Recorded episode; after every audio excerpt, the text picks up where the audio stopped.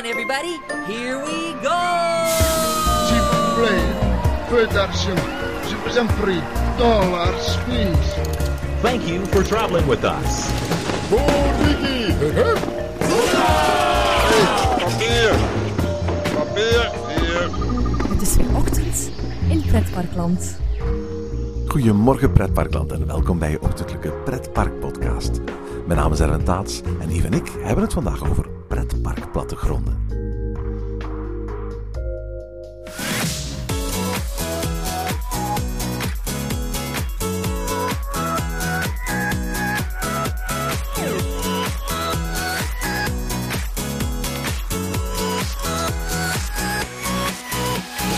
Je kent ze wel, de gratis plattegronden die je bij het begin van een dagje park in je hand gedrukt krijgt of kunt meenemen.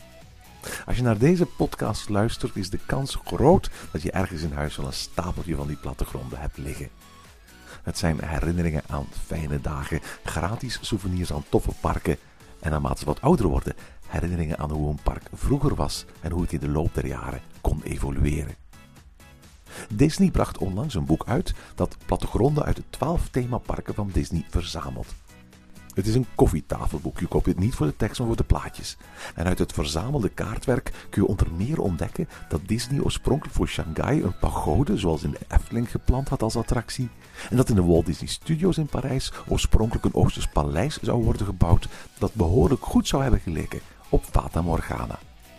Naar aanleiding van de verschijning van dat boek dachten Yves en ik dat het een leuk idee was om even onze eigen pretparkplattegronden uit de kast te halen en te vertellen wat wij zo fijn vinden en wat misschien wel samen met de aanzichtkaart het meest archetypische pretparksouvenir is. Goedemorgen Yves. Een uh, goedemorgen, Erwin. Zeg Yves, we zitten hier omsingeld. Ja, we zitten inderdaad uh, omsingeld door dozen met papier. Oh, en het is, het is ook oud papier, maar het mag toch niet weg. We zitten hier eigenlijk omringd door jouw pretparkverzameling, hè? Ja, um, mijn uh, pretparkverzameling dat ik gratis kon scoren. In de meeste gevallen dan toch. Ja, je hebt ook boeken en cd's en dat soort dingen meer. Maar je hebt ook een enorme verzameling van, en, en ik ook hoor, uh, uh, van, van dingen die we de afgelopen jaren meegenomen hebben als ze in een pretpark waren. En ik doe er niks mee. In de zin van, ik gooi het ergens op een stapel. Ik, ik, ik weet dat er, dat, er, dat er mensen zijn die, die, die parkplannetjes en parkfoldertjes allemaal stuk voor stuk heel mooi catalogeren op jaren op park en zo. Bij mij gaat dat ergens gewoon op een grote stapel en dan, dan af en toe vraag ik me af van, goh, wat ga ik daar nu mee doen? Uh, bij jou is, is het toch hier min of meer uh, gecatalogeerd, hè? Ja, uh, niet per jaar, maar bij mij is het eigenlijk gesorteerd volgens land. Hè. Dus alle Nederlandse parkplannetjes en dergelijke in één doos. En vanuit Frankrijk en vanuit Amerika. En, en zo heb ik dus verschillende dozen. Uh, vol met uh, oude parkplannetjes. En, en, en ik zou eigenlijk soms voor bepaalde landen nog eens een nieuwe doos moeten aanschaffen. Want de, de doos van Duitsland puilt hieruit, hè? Ja, ja inderdaad. Dat, dat kan er eigenlijk niet meer in, ja. Zeg maar, uh, de, de reden natuurlijk, ik heb het al in de inleiding verteld, waarom, waarom we hier ons omringen door. We hebben eigenlijk die dozen eventjes uitgezocht en we hebben hier letterlijk tientallen plattegronden uitgehaald. Want uh, we gaan het vandaag hebben over pretparkplattegronden. Heeft natuurlijk te maken met dat Maps of the Disney Parks boek dat net uit is. Charting 60 Years from California to Shanghai. Het is een boek van, uh, van Kevin en Susan Neary en Vanessa Hunt. Die naam Vanessa Hunt kennen we natuurlijk allemaal nog van dat Poster Arts of the Disney Parks boek van enkele jaren terug. En zoals ik al zei in de inleiding, is ook de aanleiding voor het gesprek dat we vandaag gaan hebben. Want het is een boek dat grosso modo 60 jaar aan, aan, aan, aan Disney-plattegronden in beeld brengt. Ja, en uh, is het een, uh, een boek dat je, dat je de moeite waard vindt, uh, Erwin? Ik heb er heel lang naar uitgekeken en toen ik hoorde dat er aankwam, vond ik het een, een, lumineus idee. Want, want velen van ons die, die groot geworden zijn met pretparken, was het urenlang bestuderen en staren van pretparkplannetjes, het zij op papier, het zij op het internet. Vroeger een heel belangrijk deel, en misschien nu nog, van, van, van onze hobby. Er, is iets heel fijns aan kaarten sowieso. En ik heb dat niet alleen met pretparkkaarten, ik ben ook altijd al gefascineerd geweest door echte kaarten, door atlassen, door, Google Maps en dat soort toestanden. Je hebt het ook, hè? Ja, inderdaad. Ik vind dat ook. Hè. Dus eigenlijk een kaart bekijken en, en, en bestuderen, dat is dromen. Hè? Dat is dromen. Uh, wat is er allemaal te beleven? En, en, en hoe ver is dat juist naar, naar, naar dat punt? Als het nu over Google Maps gaat bijvoorbeeld. En ja, dat, eigenlijk kan ik ook dat bezoeken bijvoorbeeld. En eigenlijk mijn pretparkmap heb je, heb je hetzelfde. Het is ook de, de complexiteit van een wereld op een schematische manier vereenvoudigen. Hè. En ergens is dat, is dat ook iets heel erg fijns, om, om complexiteit terug te brengen tot, tot de essentie. En dat is eigenlijk wat een goede kaart ook, ook weet doen natuurlijk. Nu, toen ik hoorde dat, dat Disney zo'n boek zou uitbrengen, want Maps of the Disney Park is een officieel door, door Hyperion Press, dus de, uitgeversmaatschappij van Disney, uitgebracht boek, dan dacht ik iets van geniaal. Dit is het boek waar ik al, al, al jaren zit op, op, op te wachten. Want, want ik neem wel af en toe eens een plattegrondje mee uit een pretpark van Disney. eh, maar om ze allemaal bij elkaar te hebben en als het ware de geschiedenis van de verschillende parken te kunnen reconstrueren door de verschillende plattegronden van de twaalf Disneyparken door de jaren heen, dat, dat, dat leek mij fantastisch. En, en toen ik het boek uiteindelijk in mijn handen kreeg, was ik eigenlijk een beetje teleurgesteld. Uiteindelijk vind ik het een tof boek en een mooi bladerboek en er zit heel veel inspiratiemateriaal in, maar het is niet het boek geworden wat ik verwacht had. Dus wil je zeggen, het is geen historische eh, pretparkatlas geworden eigenlijk. Wel, er zitten natuurlijk, staan natuurlijk heel veel kaarten in uit de geschiedenis van Disney. Maar het eerste wat ik er eigenlijk in had verwacht, dat is dat op zijn minst van elk park er een plattegrond in zou staan. Dat tenminste van elk park, zo, die, die, die pretparkplattegrond die je zo gratis aan de ingang krijgt, dat daar bij wijze van een courante versie zou zijn in afgedrukt. Dat is helaas niet het geval. Ik had eigenlijk nog meer gehoopt. Ik had eigenlijk ook bijvoorbeeld gehoopt dat van elk park uit het beginjaar, bijvoorbeeld van, van bij opening, de parkplattegrond erin zou staan. En dat bijvoorbeeld op zijn minst bijvoorbeeld van elk park de plattegrond zou, zou, zou, zou instaan van hoe het park nu is. Zodat je als het ware kunt gaan vergelijken hoe dat park door de jaren heen geëvolueerd is. Dat is helaas niet het geval. En, en, en, en je zou zeggen van ah, de Walt Disney Studios komt er weer bekaaid af. Uiteraard komt de Walt Disney Studios er weer bekaaid af. Maar, maar zelfs van Disney's Animal Kingdom, zelfs van Disney's Hollywood Studios staan, staan er zelfs geen plattegronden in. En dat heeft vooral te maken met het feit van hoe, hoe de makers, de samenstellers van dit boek, het woord maps geïnterpreteerd hebben. Ik had het heel erg eng geïnterpreteerd. Namelijk de kaartjes die je krijgt, de plattegrondjes die je krijgt bij het binnengaan van het park. Maar zij hebben het geïnterpreteerd als alle mogelijke plattegronden die ze ook als onderdeel van de storytelling van attracties creëren. Want Disney maakt heel veel kaarten. Als je in de Walt Disney World in de wachtrij staat van Peter Pan, dan hebben ze daar een grote kaart van Neverland eh, eh, gestaan. Als je in eh, de Blue Lagoon, het, restaurant bij de Pirates of the Caribbean in Parijs staat, dan is daar zo'n hele mooie piratenschatkaart getekend. Op het moment dat je in Adventure Isle bij ons in Parijs staat, dan is er eigenlijk een kaart van Adventure Isle weergegeven. Ben je op een van de Tom Sawyer Islands in Japan of in Orlando of in, in, in Anaheim, dan, dan vind je daar doorgaans aan de ingang een mooi overzicht van dat Tom Sawyer Island. En wat ze gedaan hebben, ze hebben al die kaarten verzameld. Het zijn de kaarten die je vindt in de verschillende parken. Als je bijvoorbeeld in de Nautilus bent in Disneyland Parijs, dan, dan is er op een bepaald moment een, een getekende kaart van Vulcania, de aanlegstijger van, van, van, van de Nautilus. Wel, die kaart die daar in Disneyland Parijs eh, ophangt, die is, die is te vinden in dit boek. Wat er niet te vinden is, is gewoon een recente parkplattegrond van Disneyland Parijs. En eigenlijk ook van de meeste andere parken. Dat gebrek vind ik eigenlijk ontzettend, ontzettend jammer.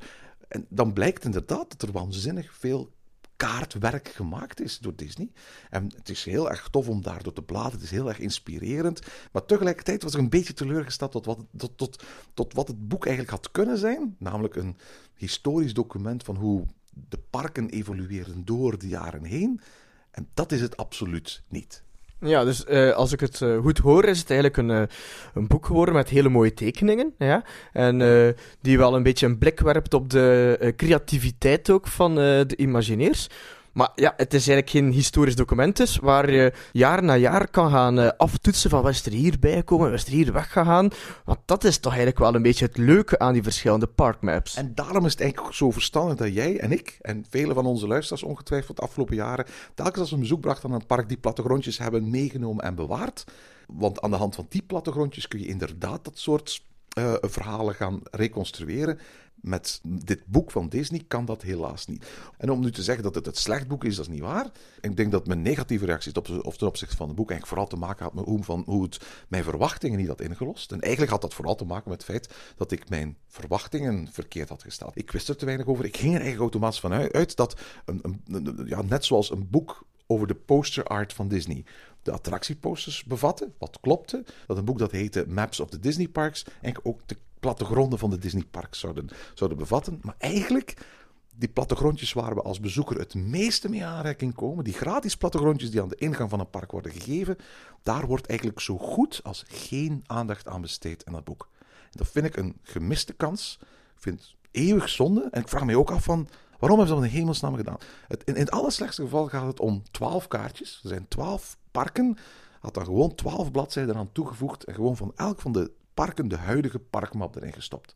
Maar dat is een kans die ze hebben laten liggen. En dat is eeuwig zonde. Maar zoals gezegd, gelukkig hebben we onze parkplattegronden nog. Ja, natuurlijk. Hè. Dus, eh, het is niet omdat het boek daarin tekort schiet dat wij daar niets mee zelf kunnen doen. En ja, we gaan eens duiken in onze eh, parkplannetjes eigenlijk. Nu het nog kan. Want ik vraag me dus eigenlijk af, steeds meer parken hebben eigen appjes. En dat, dat, dat, daar was Disney natuurlijk een van de voorlopers in. Walibi, Plopsaland, Bellewaard, Bobbejaanland, Paradisa, die hebben een, een, een, een, een app. Hetzelfde geldt voor de Duitse parken. Eigenlijk is Fantasieland daar de grote uitzondering. Uiteraard gaat hetzelfde ook voor, voor de parken in Nederland. En je kunt je gaan voorstellen dat naarmate steeds meer mensen uh, zullen beschikken over zo'n smartphone, naarmate 3G gratis gaat worden binnen heel Europa, uh, naarmate wifi steeds goedkoper gaat worden, dat parken aan een tijdje gaan zeggen van al dat drukwerk, we gaan daarmee stoppen. Mensen moeten een weg maar vinden aan de hand van die app. Ja, maar dan ga je er inderdaad vanuit dat zo'n uh, een parkplannetje op papier, hè, dat dat alleen maar dient om je weg te vinden. En dat, dat is misschien wel voor een stukje zo, maar dat, ik denk niet dat het de, de, de, hoofdreden is. Wat is de hoofdreden? Er staat heel veel informatie op, op, op, op, op parkplannetjes. Je hebt inderdaad het overzicht van het volledige park. Aan de andere kant heb je ook een, aantal, een overzicht van de restaurants bijvoorbeeld. Je hebt, uh, dat heb je in die appjes ook, hè? Ja, maar het is uh, misschien gemakkelijker te, te bezichten. Op één, op één kant heb je al direct heel veel informatie. En ik denk dat er ook een stukje marketing mee gemoeid is. Uh, wij bestuderen ook die parkplannetjes thuis. En, uh, en vroeger hebben we dat ook gedaan als kind. En, en dat is misschien wel ergens zo terug de, de, de mensen hoesting doen krijgen om terug te komen. Maar denk je niet dat, dat, dat wijze van spreken de, de 10, 12-jarigen van vandaag gewoon s'avonds met een smartphone in bed de plattegrondjes aan het bestuderen zijn die in, in, in, in de apps aanwezig zijn in plaats van op papier? Ik bedoel, die kunnen dat toch ook? Sterker nog, vaak hebben die plattegrondjes nog, nog veel meer leuke informatie. Op de, zeg maar, als ik nu de app van Walibi open, dan zie ik gewoon wat de wachttijden zijn in Walibi. Ik kan die gewoon live gaan meevolgen. Dat kan zo'n plattegrondje niet. Ja, maar misschien is het ook eerder een nostalgische wens van mij dat dat blijft bestaan. Je ziet ook dat steeds meer parken eigenlijk gewoon weinig of geen folders meer uitbrengen. Ik denk bijvoorbeeld dat, dat Walibi Holland al een, al een tijdje gestopt is met, met het drukken van, van reclamefolders. Movie Park Germany is daar ook mee uh, gestopt. Ik zie die parkfolder ook echt wel uh, ophouden naarmate social media apps en websites die plaats kunnen innemen. Ik kan me heel goed voorstellen dat het over 10 of 15 jaar een heel stuk moeilijker gaat zijn om zo'n papieren verzameling aan te leggen met pretparkspullen dan, dan op dit moment het, het geval is. Maar ik merk, en dat ligt misschien aan wat ik gewend ben, uh, in elk geval ook bij mezelf, dat als ik naar een, naar een park ga waar ik nog niet eerder geweest ben, of maar, maar weinig, dat ik het eigenlijk nog altijd heel erg fijn vind om het overzicht te krijgen van zo'n zo'n zo'n plattegrond die ik dan uitspreid, dan naar zo'n klein appschermpje te zitten kijken waar ik meestal maar een heel klein deel van het park zie, of als ik volledig uit een mini-plattegrond zie die bedolven is onder de iconen. Ja, dus het is ergens wel een, een gebruiksvriendelijk uh, ding nog. Hè. Je, je plooit open, je ziet het volledige park en je ziet eigenlijk de belangrijkste informatie die je nodig hebt om een leuke dag te hebben in het pretpark. Laat eens gewoon een aantal gedachten rond plattegronden met elkaar delen. Wat ik bijvoorbeeld lastig vind als ik in een park ben, dat is als de plattegrond de ingang niet aan de onderkant heeft. Ja, want je, je start altijd van aan de ingang uiteraard. En dan trek je zo het park in. En dan, ja, da, dan is de ingang sowieso je startpunt natuurlijk. En je, je wandelt altijd weg van de ingang. En dan ga je dus er eigenlijk ook vanuit gaan dus dat de ingang onderaan ligt. Dat is bij de meeste parken nog altijd het geval. En er zijn ook een aantal parken natuurlijk waar dat lastiger is, namelijk parken die meerdere ingangen hebben. Uh, maar, maar, bijvoorbeeld toen, toen, toen de Efteling een aantal jaren geleden uh, zijn, zijn, zijn, parkplattegrond vernieuwde, en dat allemaal, had allemaal te maken met het feit dat die parkplattegrond hertekend moest worden op schaal, zodat die parkplattegrond ook in dat appje zou passen en eigenlijk meteen kon dienst doen als, als GPS. En, en bij wijze van spreken, dan moesten natuurlijk de wegjes wel heel precies worden uitgetekend en dan moesten de schaalverhoudingen natuurlijk perfect kloppen, zodat dat die GPS-functie van je smartphone ook gebruik kon maken eigenlijk van die plattegrond. Eigenlijk is die plattegrond een soort overlay over een soort van Google Maps uh, matrix. En Ik vond het heel raar om in één keer... Het staat nog altijd aan de onderkant, maar, maar je wandelt zo wat zijdelings dat park in, hè? Ja, dus eh, eh, ja, ja, we moeten inderdaad wel nog altijd dan ja, richting eh, eh, de brink lopen. Binnen enige tijd is het dan symbolica. Maar als je kijkt naar, eh, naar de parkmap, eh, ja, dan moet je zo wel een bocht maken, inderdaad. En dat betekent in één keer ook dat alle gevels en voorkanten op een, op een wat onintuïtieve manier op die plattegrond terechtkwamen. hè. Ja, bijvoorbeeld als je kijkt naar het Carouselpaleis, eh, dan zie je voornamelijk het tak van het Carouselpaleis, maar dan zie je bijvoorbeeld niet de mooie voorkant. Hè. Dat staat er dan eigenlijk bijna niet op. Of Fata Morgana eigenlijk net hetzelfde. De Efteling Theater eigenlijk ook net hetzelfde. Vliegen de, de Hollander eigenlijk net hetzelfde. En dat is eigenlijk heel on, onwennig. Ik moet wel zeggen van, ik heb altijd een hele mooie plattegrond gevonden. Ik weet dat eh, de, de oorspronkelijke plattegrond van de Eftelings in de vorm die we, die we nu kennen, is ooit ontworpen door, eh, door Henny Knoet. eh, eh, begin de jaren 80. Sander de Bruin heeft daarna het tekenen van de plattegrond overgenomen. Nu is het uiteraard een volledig digitale plattegrond die, die voor een groot stuk in Illustrator is, is, is opgesteld en waar alleen maar kleine deeltjes nog hoeven voor, bijgewerkt te worden. En het tof is dat je aan de huidige plattegrond nog altijd als het ware die, die, die, die vorige plattegrond er, er, erin terug kunt zien. En een aantal keuzes die daar gemaakt zijn, zoals de overvliegende gekleurde duifjes in het, het Sprookjesbos of die karakteristieke manier waarop de pagode omhoog komt uit die plattegrond, die zijn ook in die nieuwe variant behouden. Ook al is die eigenlijk wel een, een, een kwartslag gedraaid. Hè. Eh, Eigenlijk moet een, een, eh, een, een parkplattegrond jou ook de hoesting geven om het park verder te gaan verkennen en, en, en daar een, eh, een volledige dag in, eh, door te brengen. En ik vind dat dat ook wel zo is bij de Efteling plattegrond. Het is wel nog speels opgebouwd en getekend en zo, en er zitten ook zo wat leuke dingen in. Bijvoorbeeld ook het mooie kompas dat je vindt eh, links onderaan van de parkmap. Als ik spreek met vrienden en kennissen die voor het eerst naar de Efteling eh, eh, gaan, dan, dan komen ze altijd thuis met het gevoel van... Efteling, ik vind dat een heel complex park. Vind dat een erg moeilijk park om een weg in terug te vinden. Is dat een, een indruk van, van het bekijken van die plattegrond die jij ook hebt? Ja, wij zijn natuurlijk de Efteling wel gewoon. En ehm, als we in de Efteling komen, dan hebben we in principe zo'n een plattegrond niet meer nodig. Hè. We vinden wel sowieso onze weg. Maar als je kijkt naar ehm, eh, de plattegrond, dan zie je bijvoorbeeld de vele kleine wegen ook door het Sprookjesbos. En het is goed als ze erop staan, hè, want ja, je moet ook wel een beetje de sluiproutes kennen bijvoorbeeld, om gemakkelijk door het Sprookjesbos te kunnen gaan. Maar ik denk dat het wel voor sommige mensen een, eh, een verwarrend boeltje lijkt. Ja, absoluut. Er zijn, zijn heel veel andersoortige weggetjes. Je hebt, je, hebt, je hebt grote paden, je hebt, je hebt kleine weggetjes. En, en dat is niet altijd, denk ik, even duidelijk. En ook de, de hoofdinfrastructuur van de, van de verschillende parkdelen is niet altijd even duidelijk. Is het zo dat, dat, dat in een Disneyland er doorgaans een, een centraal focaal punt is voor elk land?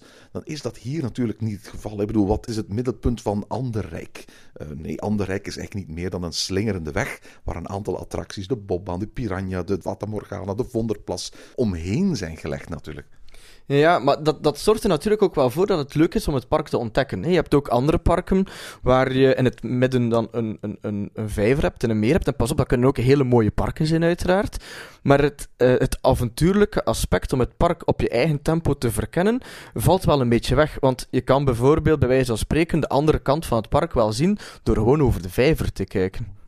Ik weet dat ik, als ik nieuw ben in een park, als ik voor het eerst in een park ben, en, doorgaans vooraf de plattegronden niet zit te bestuderen, dat ik dan vaak een soort van zeer overweldigend gevoel heb. Ik, ik, herinner mij dat het laatst van toen ik in, in Puy du Fou was. Puy du Fou was een park in Frankrijk waar ik nog nooit eerder geweest was. En dan, dan, ik had me eigenlijk ook op voorhand nooit 100% bezig gehouden met ik ga dat park nu eens gaan bestuderen.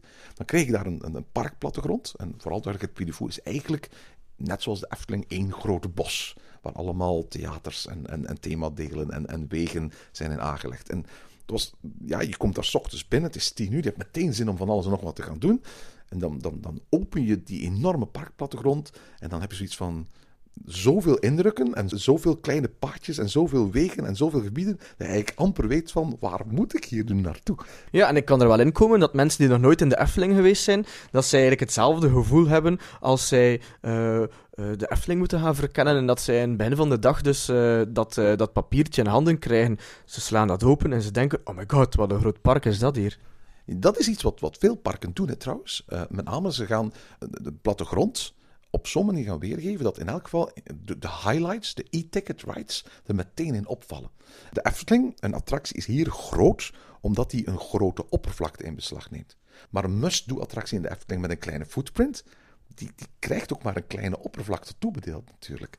Droomvlucht, wat geen enorme footprint is, is eigenlijk bij wijze van spreken een relatief klein gebouwtje. Het Carouselpaleis ziet er bijvoorbeeld groter uit. En voor alle duidelijkheid, Als je heel goed kijkt, dan is er wel een vliegend elfje getekend boven het gebouwtje, om zo'n klein beetje aan te geven om wat het is. Maar eigenlijk veel meer dan een, dan, dan een dak met een torentje er tegenaan, is het niet. Ik bedoel, uit, de- uit die plattegrond is daar niet echt heel erg duidelijk van. Hier zit een grote belangrijke e-ticket die iedereen gezien moet hebben. Op het dak van carnavalfestival zijn een aantal bontgekleurde steppen neergezet. En, en bij, bij Fata Morgana kun je wel zien dat het een Oosterse stad is, maar kun je niet afleiden van daar zit, een, daar zit een bootje in. Dat is bijvoorbeeld helemaal anders bij bijvoorbeeld Fantasieland, hè, waar ze letterlijk het dak openbreken van de, van de indoor attracties. En als het ware een kijkje naar binnen gunnen om te laten zien van dit is er aan de binnenkant te, te beleven. Eh, de Efteling doet dat niet. En ik heb mij altijd afgevraagd waarom. Ja, en als je eh, de eh, van Fantasieland erbij neemt, dan, dan lijkt Fantasieland ook zo'n gigantisch groot park plotseling, Erwin. Dat, dat is ook wel zo. Het is ook een, een, een enorme parkplattegrond. Hè? Eh, en wat ook bijzonder is, die is pas vernieuwd dit jaar. Eindelijk, zou ik bijna zeggen. Want Fantasieland sukkelt al vele jaren met plattegrond. En heeft, heeft ook de richting al een aantal keren eh, eh, veranderd van, van de parkplattegrond. En, en, en, en heeft ook op zijn website een, een, een extreem rudimentaire plattegrond erop zitten. Die, die er echt uitziet alsof het een soort van binnenspeeltuin is. Ja, of, of een soort blokkendoos. Ja, voilà. En, en dit jaar hebben ze een, een, een, een, een nieuwe plattegrond geïntroduceerd, eigenlijk samen met de opening van, van Kloegheim, die in elk geval een stuk overzichtelijker is en, en waar de daken worden opengedaan, waardoor je als het ware naar binnen kunt kijken in heel veel attracties. En Fantasieland is een park met heel veel indoor attracties. Eh, aan, aan het Carouselpaleisgebouw is op de plattegrond niet te zien dat er een carousel in zit bij de Efteling. In Fantasieland kun je bij elk gebouw eigenlijk zien wat er te beleven is. Eigenlijk met als enige uitzondering de Hollywood Tour, maar volgens mij is dat een beetje omdat ze zich daarvoor schamen en liever niet hebben dat veel mensen in die attractie terechtkomen. Ja, en natuurlijk is er nog een attractie erboven gebouwd en die zie je dan wel. Hè. Dus eh Temple of the Nighthawk eh, staat er eigenlijk wel op getekend. Eh, trouwens, ook het dak van eh Woezetown is eraf gehaald en dan zie je wel de, de, de kleine kinderattracties wel goed staan. Want in het echt is dat toch wel, wel een beetje zoeken eigenlijk.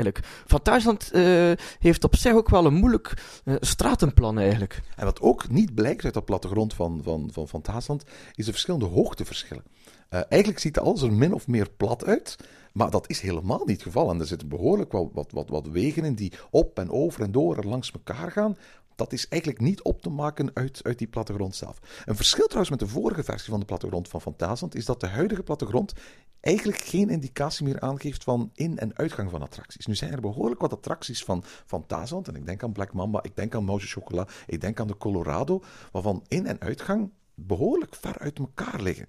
En, en tenzij je duidelijk afspreekt met niet-rijders van waar je uit gaat komen als je de Colorado gedaan hebt of als je Chiapas gedaan hebt, dan kan dat best verwarrend zijn. Vroeger was het zo dat met kleine pijltjes op de plattegrond van Fantasieland aangegeven werd van elke attractie waar een groot verschil zat op in- en uitgang waar die was. Dat is in de huidige variant niet meer het geval. Ja, en dat is misschien wel informatie die belangrijk is. Nu ja, het, is al, het zal wel een bewuste keuze zijn. Hè. Men heeft waarschijnlijk eh, zoveel mogelijk icoontjes en dergelijke vanuit de parkmap gehaald om het op een andere manier overzichtelijk te maken. Wat de plattegrond van, van de Efteling en van Fantasieland met elkaar eh, eh, gemeenschappelijk hebben, is dat het lege parken zijn. Terwijl andere parken echt de paden vol met bezoekers photoshoppen, is het zo dat, dat, dat dit hier niet het geval is. Je kijkt eigenlijk naar een, een leeg park. In het geval van de Efteling zijn de treintjes van de Python en, en, en de, de Vliegende Hollander en eh, Joris en de Draak en de Baron wel op het spoor. Maar eigenlijk is er voor de rest niemand te bekennen. Maar als je bijvoorbeeld kijkt naar de plattegrond van Bellewaarde, dan zie je toch dat er staan een heleboel mensen aan te schuiven om, om het park in te kunnen. Maar ook, eh, er bevinden ook mensen zich op de, op de paden en lanen. Ik herinner me nog die hele bekende plattegrond van Euro Disneyland uit eh, 1992, waar onder andere nog die, die, die anders uitziende Space Mountain op ingetekend was. En wat mij daar altijd opviel was hoeveel duizenden mensen daar overal waren ingetekend. Sommige parken kiezen echt voor een vrij schematische lege indeling van het park. Andere parken, en dat, dat vond ik zelf vroeger altijd het tofste, die, die, die, die, die zetten hun parkplattegrond vol met mensen. Ik snap dat dat allemaal net iets drukker overkomt en misschien net iets minder on- overzichtelijk, maar tegelijkertijd ook wel wat gezelliger. Ja, misschien wil de Efteling of Fantasieland het beeld scheppen dat het altijd rustig is bij hen.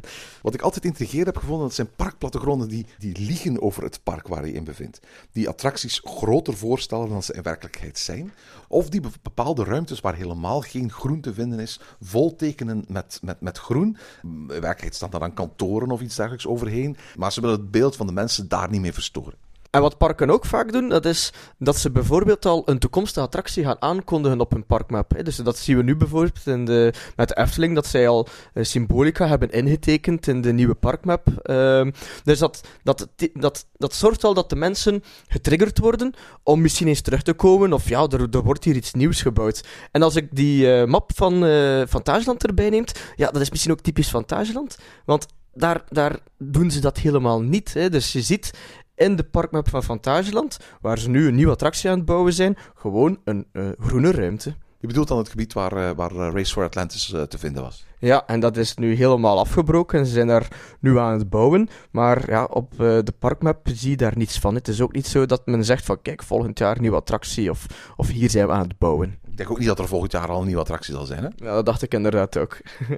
Maar bijvoorbeeld Disneyland Parijs is bijvoorbeeld een park dat een behoorlijke parkplanleugenaar is. Hè. Als je het, plattegrond van de Walt Disney Studios bekijkt, dan ziet het er niet alleen grootser uit, het ziet er ook vele malen groener uit dan het park in werkelijkheid is. En je ziet ook bijvoorbeeld dat alle attracties daar min of meer dezelfde aandacht krijgen. Een attractie als RC Racer neemt ongeveer evenveel plaats en is ongeveer even hoog en groot op dat parkplattegrond als de Tower of Terror.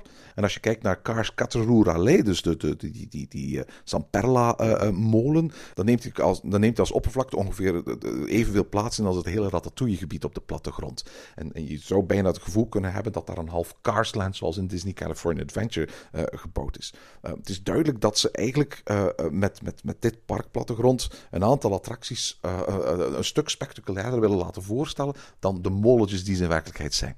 Ja, hè, dus dat is ook een beetje de marketing natuurlijk hè, van zo'n plannetjes.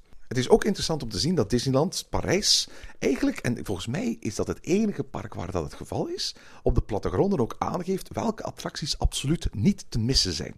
Dat zie je bovenaan uh, uh, op de plattegrond, heb je zo'n icoontje van dit mag je niet missen. En bij een aantal attracties staan die dan aangeduid. En als je dat bekijkt, is dat op zich wel heel erg opvallend. Want bijvoorbeeld Indiana Jones en the Temple of Peril, uh, Le Pays de Conte Fées en de Mad Hatter's Teacups worden aangegeven als dit mag je niet missen. Maar aan de andere kant, Big Thunder Mountain, It's a Small World en Peter Pan's Flight, die krijgen die beoordeling niet. Ja, It's a Small World, uh, uh, Big Thunder Mountain, dat zijn, dat zijn ook maar kleine attracties, hè, Erwin. Ik denk niet dat daar een strategisch doel achter zit. Ja, dat, dat zou je toch wel denken. Dat, dat is gewoon omdat dat sowieso al populaire attracties zijn. Bijvoorbeeld Big Thunder Mountain, daar kan je echt lang voor staan aanschuiven. Ja, misschien is dat ergens om de mensen een bepaalde uh, weg te laten bewandelen, om de capaciteit van het park te verhogen. Ik denk het zelf ook. Want het feit dat bijvoorbeeld lage capaciteitsattracties als Peter Pan's Flight en Sneeuwwitje en Pinocchio niet worden weergegeven, maar attracties bijvoorbeeld als Le Mystère du Nautilus wel de beoordeling niet te missen krijgt, een attractie die bij wijze van spreken gewoon een doorloopwandeling is. Wel heel mooi hoor trouwens. Maar waarvan je zelf zegt van, ja, om dan nu een e-ticket te noemen, dat zou ik niet doen. Is het duidelijk dat Disney zegt van, kijk, uh, we willen er echt voor zorgen dat attracties waarvan we weten dat mensen erin zullen kunnen, dat, dat die in elk geval gedaan kunnen worden. Of Disney slaat echt wel de plank mis in Parijs. Dat kan misschien zo, ook. Zo, zo, misschien zijn dat zo de attracties die nog in de beste staat zijn of zo. ja, ja, die hebben net de schilderbeurt gehad. Ja. Maar het is, het, is, het is opvallend natuurlijk. En op zich, eigenlijk is het een goed idee. Hè? Je hebt die parkplattegrond. Waarom zou je die niet kunnen gebruiken om bijvoorbeeld mensen te leiden naar, naar, naar weg van attracties waar je weet van daar gaat altijd heel veel volk staan. En ervoor zorgt dat bezoekers die minder vertrouwd zijn met je, met, je, park in elk geval naar een andere attractie eerst gaan, omdat de parkplattegrond hen daar naar wijst. Het is een beetje vals spelen natuurlijk van, van Disney, want waarom zou je in godsnaam de horse-drawn streetcars wel beschouwen als een niet te missen attractie, maar aan de andere kant Star Tours niet? Het is duidelijk dat Disney eigenlijk daar eigenlijk wat aan crowd management probeert te doen. Hè? Ja, ik, ik, denk het ook. En, en er zijn ook wel andere voorbeelden. Hè. Ik dacht dat uh, SeaWorld nog uh, geëxperimenteerd heeft, ook met verschillende parkmaps, waar waarbij je op je parkmap andere showtijden kreeg. Ja, inderdaad. In plaats van alle showtijden te geven, kreeg je bij wijze van spreken een, een, een voorstel. Van kijk, als, als jij nu de Orca-show gaat bekijken op dat tijdstip en de Dolfijn-show op dat tijdstip, dan heb je de kans om op één dag alle shows te gaan bekijken. Door op de verschillende parkmaps een andere combinatie voor te gaan stellen, zorgde ze eigenlijk voor dat mensen gestuurd werden in een logische richting, zodat zoveel mogelijk mensen zoveel mogelijk shows konden meemaken. Ja, ik vind dat eigenlijk wel een heel goed idee. En zeker natuurlijk als je een park bent uh, met, met heel veel verschillende shows. De plattegronden van, van de Walt Disney World parken zijn, zijn heel bijzonder, omdat die onlangs veranderd zijn. Uh, Walt Disney World maakt uiteraard gebruik van uh, GPS-technologie. Heeft de plattegrond, net zoals de Efteling, onlangs naar GPS-coördinaten overgezet. Maar heeft er ook voor gekozen om die GPS-maps, die heel waarheidsgetrouw zijn, op die manier af te gaan drukken in de parkplattegronden. Ja, inderdaad. En dat, dat zorgt er natuurlijk voor dat je perfect weet waar je bent en waar je naartoe kan gaan. Maar als je dat vergelijkt met de vroegere parkmaps, is dat toch wel echt iets helemaal anders. Hè? Ja, ze missen die, die, die gezelligheid. Hè. En het, probleem is, er, er, er wordt ook heel weinig wel, verdoezeld, bij wijze van spreken. Alle showgebouwen staan er letterlijk op weergegeven. En het betekent ook dat in sommige gevallen de, de oriëntatie van de parkplattegrond heel anders is dan dat je het park aanvoelt. De ingang op de parkplattegrond van Disney's Hollywood Studios bevindt zich rechtsboven.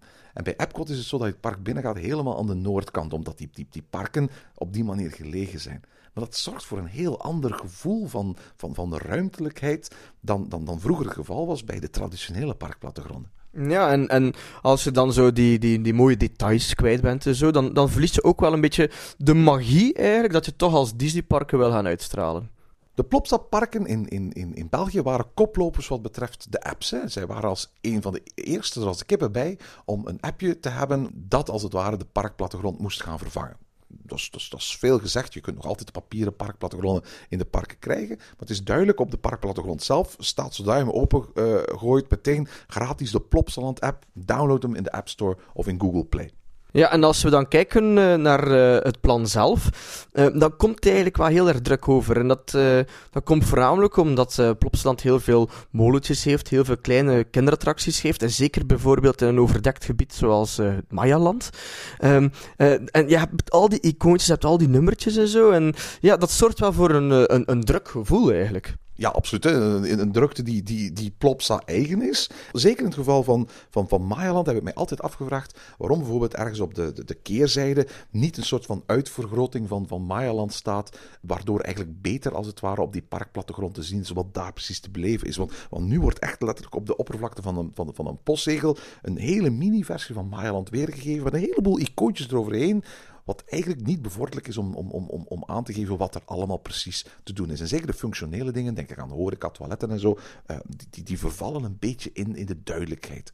Ja, ik denk dat uh, Plopsa wel echt verwacht dat je die app erbij neemt. Hè? En dat je eigenlijk via de app uh, zoveel mogelijk informatie probeert op te zoeken en dat die parkplannetjes maar bijzaak zijn. Wat in elk geval opvalt bij de Plopsa-parken, en dat is een groot verschil met Disney, met Efteling, met Fantasieland, dat is dat de attracties gewoon met een nummertje worden aangeduid. En dan kijk je in de legende en dan staat er gewoon de naam bij van die attracties. De kikkers, de konijntjes, de emmer, de draak.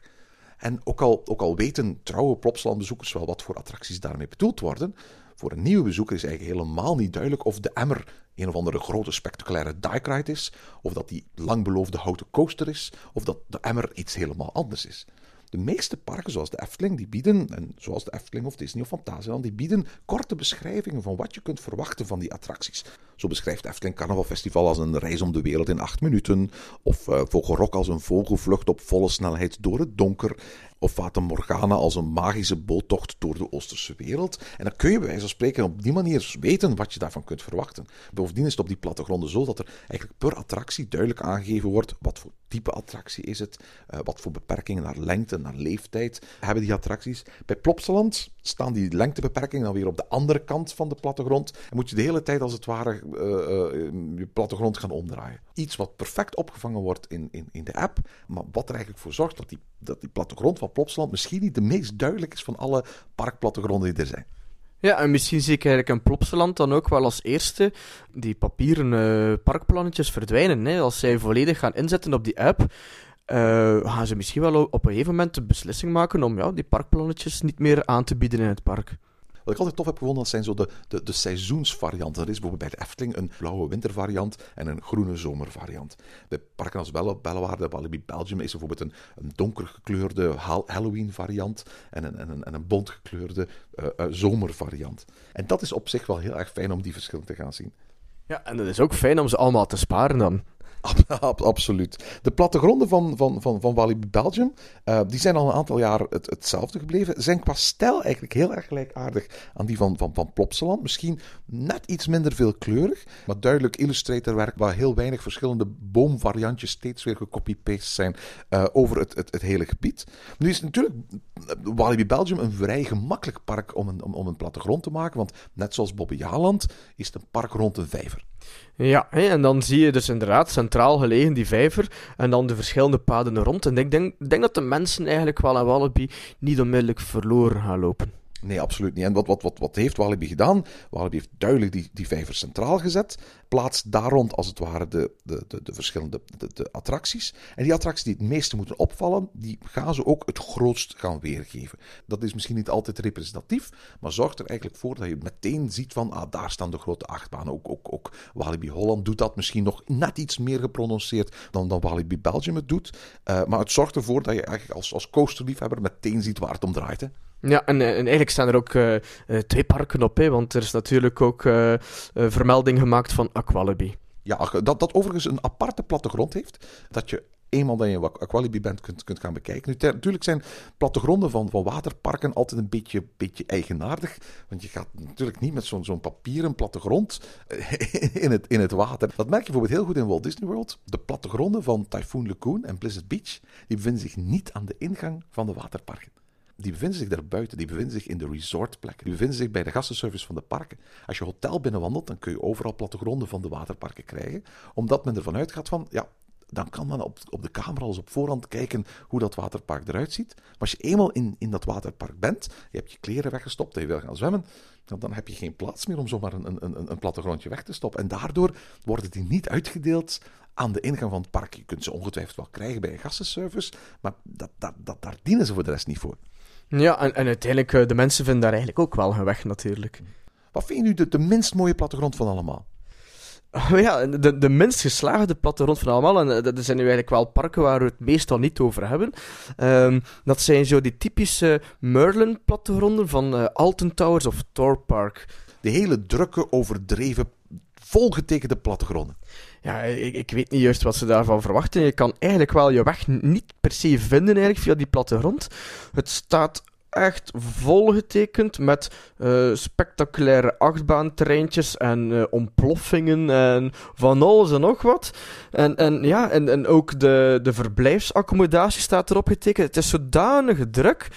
Ja, het spreekt misschien wel tot de verbeelding, maar, maar het is niet zo dat je het echt kan gaan gebruiken om je weg te vinden door Alte Towers. Wat eigenlijk wel nodig is, want Alte Towers is dan nog eens zo'n groot park. Als je daar voor de eerste keer komt, ja, dan wil je eigenlijk wel een beetje weten hoe je van het ene punt naar het andere punt kan lopen. En dat ga je niet per se kunnen met, uh, met uh, deze parkplattegrond. En het is een beetje een Merlin-ziekte, want het is niet alleen Alton Towers die het doet. Hè. Ze gebruiken diezelfde stijl ook voor parken als Heidepark en Thorpark. Hè. Ja, inderdaad. Hè. Dus, uh, ze hebben blijkbaar zo, de, de, dezelfde stijl voor alle parken, wat, wat een, uh, een goede keuze zou kunnen zijn. Maar misschien niet zo druk dan. En welke vind jij dan minder geslaagd, Erwin? Als ik eerlijk ben, ik vind die van, van, van Bellewaarde eigenlijk niet zo heel erg mooi. Dat is een prachtig park met mooi gethematiseerde gedeelten. Een van de mooiste parken van de, van, van de Benelux. En om de een of andere reden wordt daar een tekenstijl, een eenvoudige tekenstijl bij, bij gehanteerd, die het zo vereenvoudigt en een beetje verkleutert, dat ik eigenlijk vind dat de parkplattegrond het, het, het park geen eer aan doet. Het park is ook niet zo heel erg moeilijk. Hè? Ik bedoel, het is heel grappig als je in, in Bellewaarde navigeert, dat je ziet dat er eigenlijk zo'n beetje twee pijlen staan in heel dat park. En de ene pijl wijst richting de Niagara en de andere pijl wijst richting de Boomerang. En, en, eigenlijk moet je niet zo heel erg veel meer weten van de attractie die ik zoek, ligt die dichter in de buurt bij de Niagara of ligt die dichter in de buurt bij de, bij de Boomerang? Want dat zijn zo'n beetje de twee uiterste punten van het park. Maar de parkplattegrond is zo eenvoudig, een beetje onnozel getekend, dat het eigenlijk als het ware veel van de, de, de inherente schoonheid van dat park teniet doet. Ik vind het eigenlijk heel jammer. Ik vind eigenlijk best wel dat, dat, dat Bellewaarde een mooiere getekende plattegrond uh, uh, verdient. Ja, e- eigenlijk, eh, als je kijkt naar eh, de parkplattegrond, dan lijkt Bellewaarde een minder groen park te zijn dan pakweg Fantageland. Inder- Inderdaad, ja.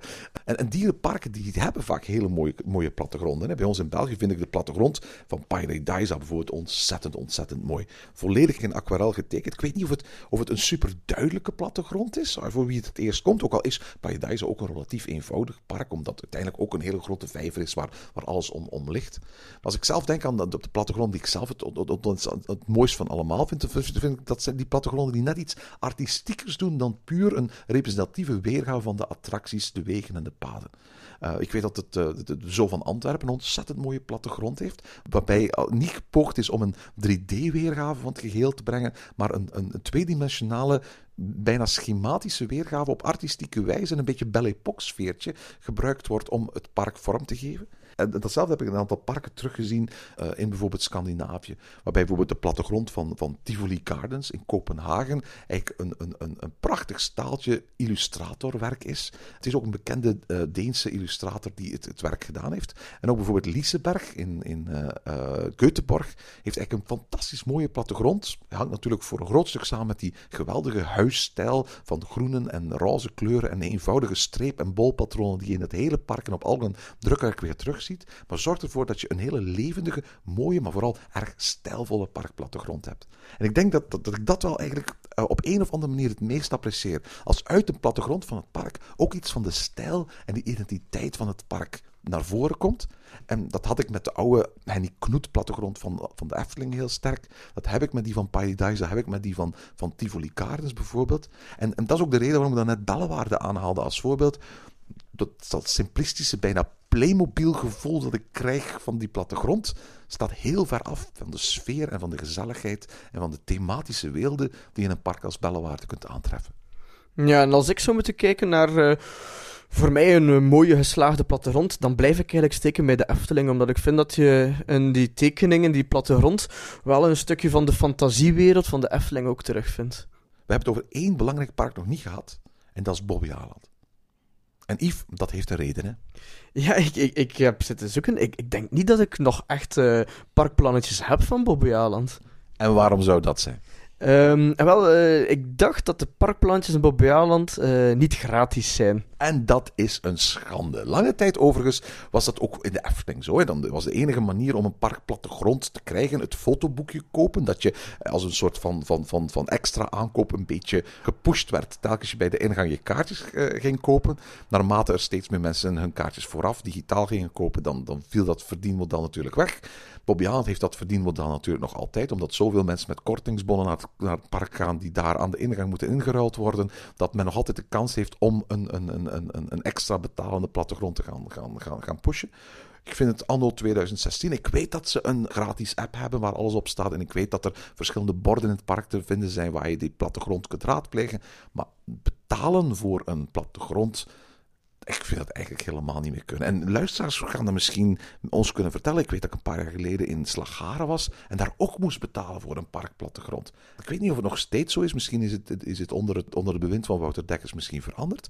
Maar het feit dat je al betaalt om een park binnen te gaan en dan de kans loopt dat je een belangrijke attractie over het hoofd ziet of, of, of, of, of niet weet dat die er is, omdat je niet eens een gratis parkplattegrond krijgt, vind ik echt niet kunnen. En daarom is het zo dat ik eigenlijk voor de rest over de plattegrond van Bobby Haaland het niet wil hebben.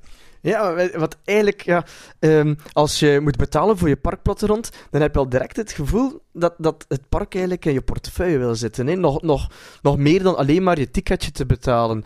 Eigenlijk als park wil je toch hebben dat de mensen uh, een gemakkelijke dag hebben in je park en dat ze gemakkelijk de weg vinden, dat ze inderdaad de belangrijkste attracties doen en dat ze met een goed gevoel terugkeren naar huis. Een parkplattegrond is een uitnodiging. Het is een uitnodiging tot verkenning, tot avontuur, tot beleving. En op het moment dat je al van, van bij het binnengaan een euro moet neertellen om, om die uitnodiging ook al maar te kunnen, te kunnen krijgen, dan, dan maak je in mijn ogen een hele, hele slechte indruk. Maar fijn te zien aan de, de honderden plattegronden die ondertussen naast en, en voor en, en, en onder ons liggen, dat nog altijd zo is dat de meeste parken die plattegronden nog altijd uh, uh, uh, gratis weggeven. En hopelijk, ondanks de digitale tijden we ons bevinden, nog tot in de lengte van jaren. Hè? Ja, en ik raad het eh, elke pretpark van aan natuurlijk, om eens eh, terug in je collectie te duiken en, en de oude parkplannetjes eruit te halen, om eens te kijken hoe het er toen allemaal uitzag. En tot zover deze aflevering van Ochtend in Pretparkland. Heb je vragen of opmerkingen? Mail ons dan via ochtend.pretparkland.be. Meer informatie over onze podcast vind je terug op www.pretparkland.be en nieuwe afleveringen download je via onze website of via iTunes. Ochtend in Pretparkland is de pretparkpodcast voor vroege vogels. Bedankt voor het luisteren en maak er een fijne dag van.